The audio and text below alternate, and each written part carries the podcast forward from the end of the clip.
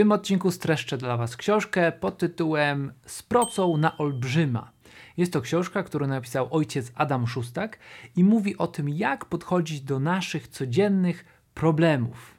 No bo póki żyjemy, nie unikniemy tego, że mniejsze lub większe problemy pojawią się w naszym życiu. Nigdy nie będzie tak, że będziemy budzić się rano i żadnych problemów nie napotkamy. Trzeba nauczyć się z tym żyć i mieć różne taktyki, jak te problemy pokonać. O tym jest właśnie ta książka. Zaczynamy! Cześć, tutaj Miał Szczepanek. Na tym kanale streszczam jedną książkę tygodniowo po to, abyście wy nie musieli jej czytać, a raczej wolałbym was zachęcić do przeczytania jej w całości. Link do zakupu tej książki, która akurat miała premierę dwa dni temu, możecie znaleźć w opisie pod tym filmem. Dodatkowo do tej książki jest dołączony kurs online, który miałem przyjemność współtworzyć, więc wszystko znajdziecie w linku poniżej. Książka z procą na olbrzyma jest genialna, dlatego że na co dzień traktujemy problemy właśnie jak problemy, a nie jak wyzwania. I skąd w ogóle się wziął tytuł? Proca jest związana z biblijną historią, kiedy Dawid walczył z Goliatem. Goliat, wielki, przerośnięty wojownik, który miał chorobę akromegalię. Akromegalia polega na tym, że hormon wzrostu jest nadaktywny i człowiek rośnie do gigantycznych rozmiarów. Był, był więc wielki i nie do pokonania. Miał grubą zbroję, a Dawid był zwykłym pasterzem, który nie umiał walczyć. Wojsko, które bało się sprostać z Goliatem, nie potrafiło go pokonać. Ale Dawid przyszedł i zastosował pewne taktyki, które pozwoliły mu wygrać. Wziął proce, podszedł, strzelił i zmienił w ten sposób reguły gry, trafiając między oczy, czyli w słaby punkt właśnie Goliata. I tak samo my w naszym życiu możemy podchodzić do problemów i czuć się przerażeni, albo zainspirować się historią Dawida i wziąć lekcje z jego historii i zacząć pokonywać problemy tak jak on. Pierwsza taktyka, którą w tej książce Adam Szustak nam podaje, to zmiana reguł gry. I właśnie Dawid, podchodząc do Goliata, nie walczył w ten sam sposób na krótkim dystansie, tylko pomyślał: OK, skoro nikt nie może pokonać Goliata w ten sposób, walką wręcz, a celem jest wygrana, podejdę, wezmę proces i strzelę mu prosto między oczy. Tu mi się też przypomina scena z Indiana Jonesa w pierwszej części, kiedy zaczyna mieczem machać przed nim jakiś wojownik, a ten podchodzi spokojnie, wyciąga rewolwer i strzela i go zabija, więc zastosował inne reguły gry. Chodzi o to, żebyśmy w naszym życiu, tak jak Dawid, patrzyli, jaki jest słaby punkt tego problemu, z którym możemy się, mamy się zmierzyć.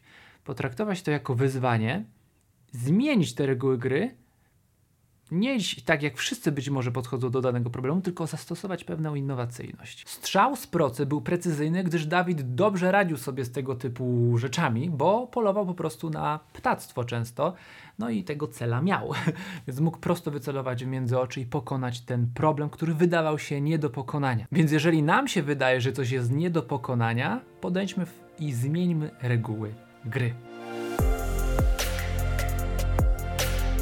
Drugą taktyką, która jest powiązana z zmianą reguł gry, jest innowacja. I innowacje możemy mieć na trzech poziomach: innowacja produktowa, procesowa i marketingowa. W języku biznesowym jest to dość dobrze znane, ale przenieśmy to na nasze życie i rozwiązywanie problemów. Innowacja produktowa na przykładzie operacji na ludziach, kiedy jeszcze 100 lat temu nie było środków antybakteryjnych, wiele ludzi ginęło na sali operacyjnej. Nie wiedziano i nie wierzono, że bakterie mogą mieć jakiś, jakikolwiek wpływ. Dopiero Gustav Adolf Neuber stwierdził, że wpływ czyszczenia narzędzi operacyjnych i mycie rąk może wywrzeć pozytywny skutek i obniżyć śmiertelność. Dzięki niemu powstała taka nauka jak aseptyka. I stworzył innowację produktową, produkt, który umożliwił pokonanie tego problemu, je, jaką była właśnie ta śmiertelność na stołach operacyjnych. Innowacja zaś procesowa polega na tym, że jeżeli mamy jakiś cel, a nie udaje nam się dotrzeć do tego celu tym, sa tym samym sposobem, zmieńmy drogę do tego celu, czyli inaczej podejdźmy do problemu innymi zachowaniami. Dla przykładu, jeżeli musisz schudnąć i nie idzie ci to i chcesz chodzić na siłownię, stwierdzasz, spróbuj od tego, ale to nie jest jednak twój klimat, to zmień ten proces. Nie idź tą drogą, tylko na przykład zastosuj krótkie przekąski ruchowe, o których też mówiliśmy w książce No Sweat, że krótkie, sumujące się aktywności mogą dać więcej niż jeden długi trening.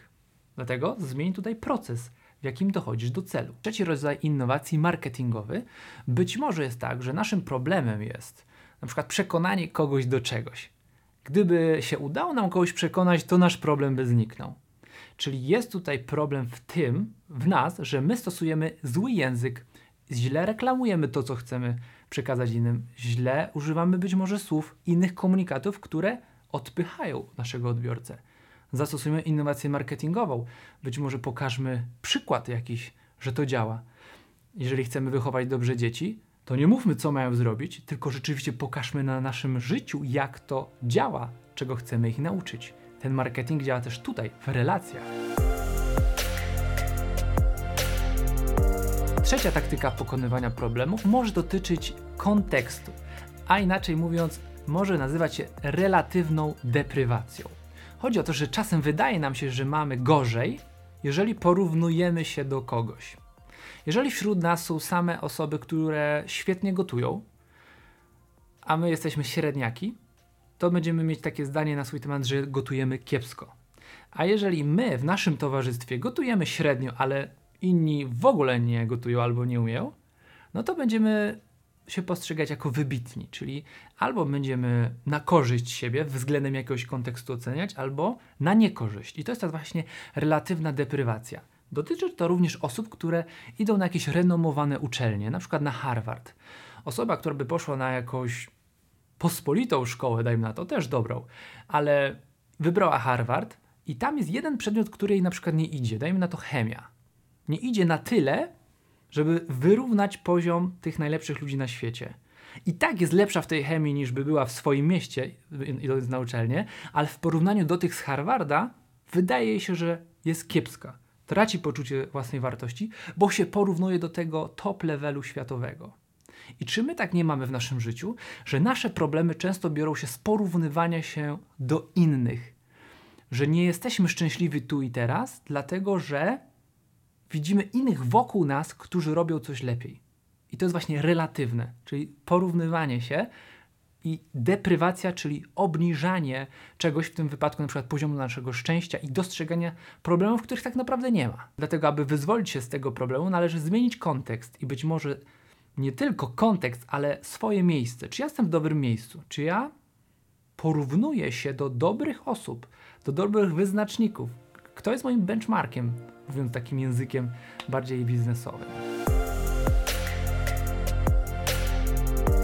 Następną taktyką może być zbyt duży staw, w którym chcemy pływać. To jest taka analogia do tego, że ryby pływają w stawie i mówi się, że lepiej być dużą rybą w małym stawie niż małą rybą w wielkim stawie. I co to oznacza dla nas? Że często mamy tak wygórowane ambicje i plany, że to jest nasz problem. Perfekcjonizm powoduje, że ciągle postrzegamy siebie jako ludzi nieszczęśliwych. Że cokolwiek zrobimy, i tak to nie jest to, co sobie gdzieś tam w głowie zaplanujemy.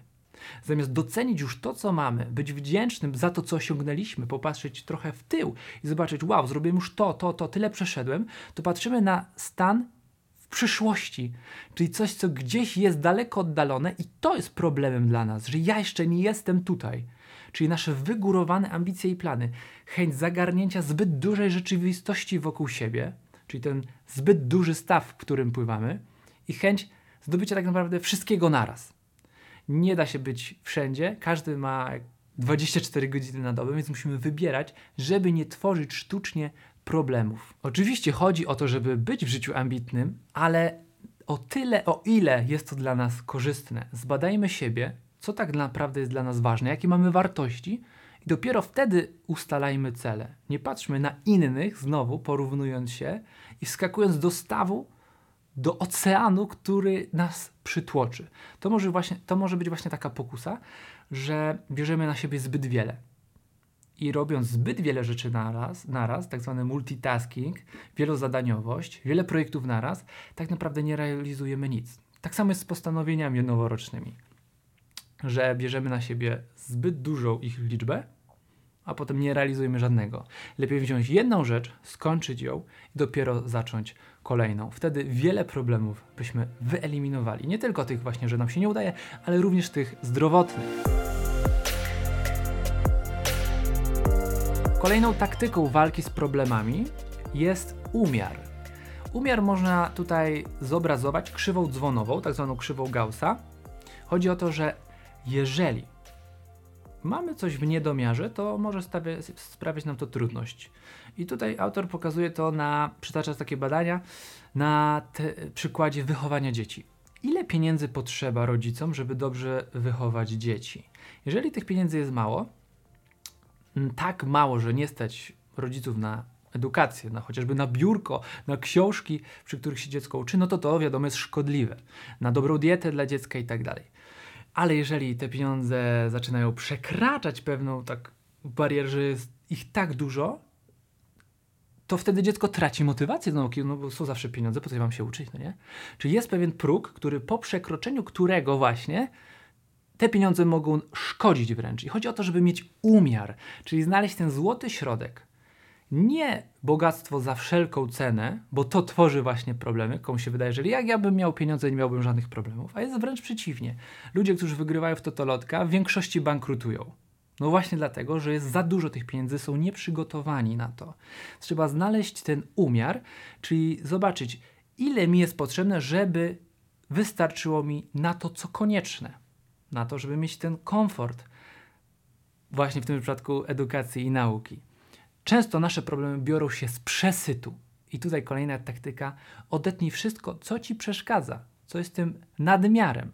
Oczywiście walcz o to, żeby nie mieć niedoborów różnych rzeczy, wartości, ale skup się na tym złotym środku, znajdź to, aby ograniczyć swoje problemy. I jeszcze jedna taktyka, o której mogę powiedzieć w tym filmie. To nie branie jeńców. Jeżeli ktoś walczy z jakimś złym nawykiem, nałogiem, uzależnieniem, jeżeli chce totalnie się od tego wyzwolić, powinien na zawsze się odciąć od tego. A wiele osób zostawia sobie jeszcze taką furtkę, ok, niby rzucam palenie, niby rzucam alkohol, ale gdzieś jeszcze w garażu sobie w kąciku schowam na wszelki wypadek paczkę papierosów, flaszkę czy cokolwiek jeszcze. I chodzi o to, żeby totalnie z tego zrezygnować. Jeżeli ktoś miał z czymś problem, szczególnie taki nałogowy, to nie ma innej taktyki pokonania tego problemu na zawsze, raz na zawsze, jak totalne odcięcie, czyli nie branie jeńców, tak jak na wojnie. Wtedy dopiero będziemy mieć pewność, że te problemy nie wrócą. Przynajmniej my nie będziemy stwarzać takich okazji. Bo kiedy jesteśmy na przykład zmęczeni, mamy różne trudności, to łatwiej jest nam popaść znowu w te złe przyzwyczajenia. Jeżeli ktoś ma uzależnienie od telewizji, od telefonu, niech nie dopuszcza do tego, że ten telefon jest obok. Jeżeli jesteśmy już w domu z rodziną, dobrą praktyką jest, jeżeli ktoś ma właśnie problemy z takim uzależnieniem od social mediów, zostawienie na przykład telefonu w schowku w samochodzie, nie wnoszenia go w ogóle do domu. Zostawić telefon na czas pracy, jeżeli jesteśmy już w domu, skupić się na tym, co najważniejsze. Przez pierwsze momenty pewnie będzie takie uczucie, gdzie jest mój telefon, czuję trochę niepokój, muszę coś sprawdzić. Ale z czasem, jak będziemy w tym konsekwencji, wiele naszych problemów zniknie. Kończąc ten odcinek, powiem jeszcze o tym, że ograniczenia, które nam się mogą wydawać, dają nam właśnie możliwości. Kreatywność. Wiele osób, które nie miały pieniędzy na założenie własnej firmy, znalazły takie sposoby kreatywne, aby dotrzeć do nowych klientów, że po partyzancku pokonały większość firm, które miały te duże budżety na start, startupy. Jeżeli ktoś otrzymuje od razu na start worek pieniędzy, to szasta tymi pieniędzmi bezmyślnie, nie docenia tego, co ma. A osoby, które nie mają tych pieniędzy, myślą kreatywnie, całą swoją energię twórczą wykorzystują na kreatywny właśnie marketing, na inne sposoby dotarcia do klienta. Tak na przykład Dropbox, Gmail zyskał popularność, że bez dużych nakładów finansowych po prostu w stopce maila, czy też jak ktoś zakładał konto na Dropboxie, żeby przechowywać pliki, zawsze mógł polecić ten produkt znajomemu poprzez to, że hej, jeżeli się zapiszesz, dostaniesz na przykład 10% jakiejś tam powierzchni, czy dodatkowo 10 GB, czy też darmowa skrzynka, Gmail i to wszystko było w stopce. To niby nic, ale tak właśnie się to rozrastało. Kreatywne sposoby rozwiązywania problemów biorą się właśnie z ograniczeń. Tak jak Dawid, o którym wspomniałem na początku, wydawać by się mogło, no jest mega ograniczony fizycznie, żeby walczyć z Goliatem, ale znalazł kreatywny sposób. Wziął proce, kamyk i rozwiązał ten problem. Dlatego my również zastanówmy się, jak możemy rozwiązywać swoje problemy mimo ograniczeń. Patrzmy na problemy jako wyzwania. Jeżeli chcecie dowiedzieć się o większej ilości taktyk i zobaczyć, jak można to robić w praktyce, zobaczcie koniecznie książkę z procą na olbrzyma i dołączony do niej kurs. Kurs jest w ogóle taką rzeczą, przedmiotem, który można by uczyć w szkole. Bo, no bo problemy w naszym życiu są codzienne, a w szkole nie mamy takiego przedmiotu jak nauka rozwiązywania problemów. Więc ten kurs będzie taką strategią na przyszłość, jak zmierzyć się z naszymi życiowymi problemami. Serdecznie zapraszam, dziękuję za Waszą obecność i do zobaczenia już za tydzień. Cześć!